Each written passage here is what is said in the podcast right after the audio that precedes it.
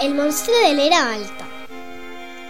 Hi havia una vegada un monstre molt bo que vivia amagat a una cova al fons d'un carrer solitari. Aquesta criatura monstruosa era joveneta i li agradaven els pastissos de xocolata i observar com jugaven els xiquets. Ell era peludet, media uns dos metres i mig d'altura. A la seva cara destacaven uns ullets ovalats brillants i simpàtics. De la boca eixien unes quantes dentetes rodonetes sense ullals punxosos. Solia fer moltes bromes gracioses, però no podia compartir-se amb cap altre xiquet.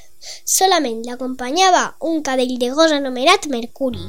A Júpiter, que era com s'anomenava el monstre, li agradaven les estrelles i l'espai. Somiava en viatjar amb un coet a la lluna, amb algun xiquet més. I imaginava com seria l'univers! Estava encuriosit pels forats negres i llegia alguns contes i revistres sobre l'espai, l'univers i els astronautes que trobava la brossa perquè els altres xiquets ja no els volien. Un dia Júpiter va eixir de la cometa a l'era alta, a Monover, i es va dirigir cap a uns xiquets que jugaven a futbol.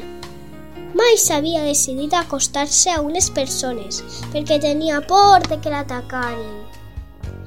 Com que aquells xiquets semblaven molt amistosos per les rialles que tenien mentre jugaven amb el baló, el monstre es va acostar cap a ells.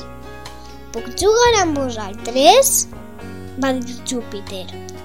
Els xiquets, bocabadats i mig plorant, van eixir corrents i fugint d'ell. Es van amagar a les seues cases i van dir als seus pares Hi ha un monstre! Hi ha un monstre! Pares, eixiu a veure'l!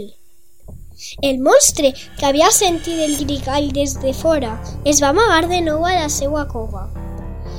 Quan van eixir els pares, no hi havia ningú, solament el baló al mig del carrer. Així no hi ha res! Això són imaginacions vostres, que teniu ahí al cap, van dir els pares, i van tornar a dins de la casa.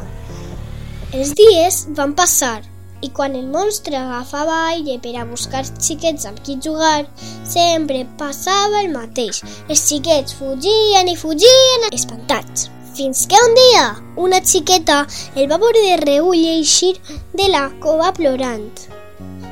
Es va assustar molt, però també li va fer llàstimeta i va decidir ajudar-lo a veure què li passava.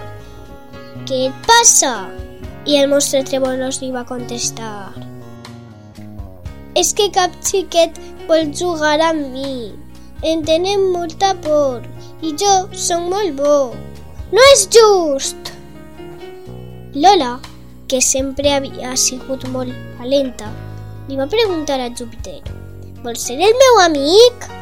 A mi m'agrada jugar a la pilota, al pilla-pilla, a l'escondite, al pajarito anglès. La sort que va tenir el monstre va ser impressionant. A Lola li agradava jugar als mateixos jocs que més li agradaven a ell. I li va dir a Lola, els meus jocs preferits! Jo sóc Júpiter, visc per la Sènia i per cert, clar que vull ser amic teu! Jo sóc Lola, encantada! Farem un gran equip! Des d'aquell dia, el monstre ja va tenir una bona amiga amb qui jugar. A poc a poc, Lola li va presentar a Júpiter a tots els seus am millors amics i els va dir que no tingueren por del monstre, que era el seu amic. Això sí, els adults mai haurien de saber aquest secret. Quan els adults dormien o estaven despistats, sempre de nit, Lola Júpiter i la resta dels amics aprofitaven per eixir d'excursió. Visitaven des de Santa Bàrbara i el castell fins a la torre i la plaça de la Sala i el jardinet. Passejaven per tot el poble. Van inventar un joc. Cada nit visitarien dos jocs de Monover. I així ho van fer.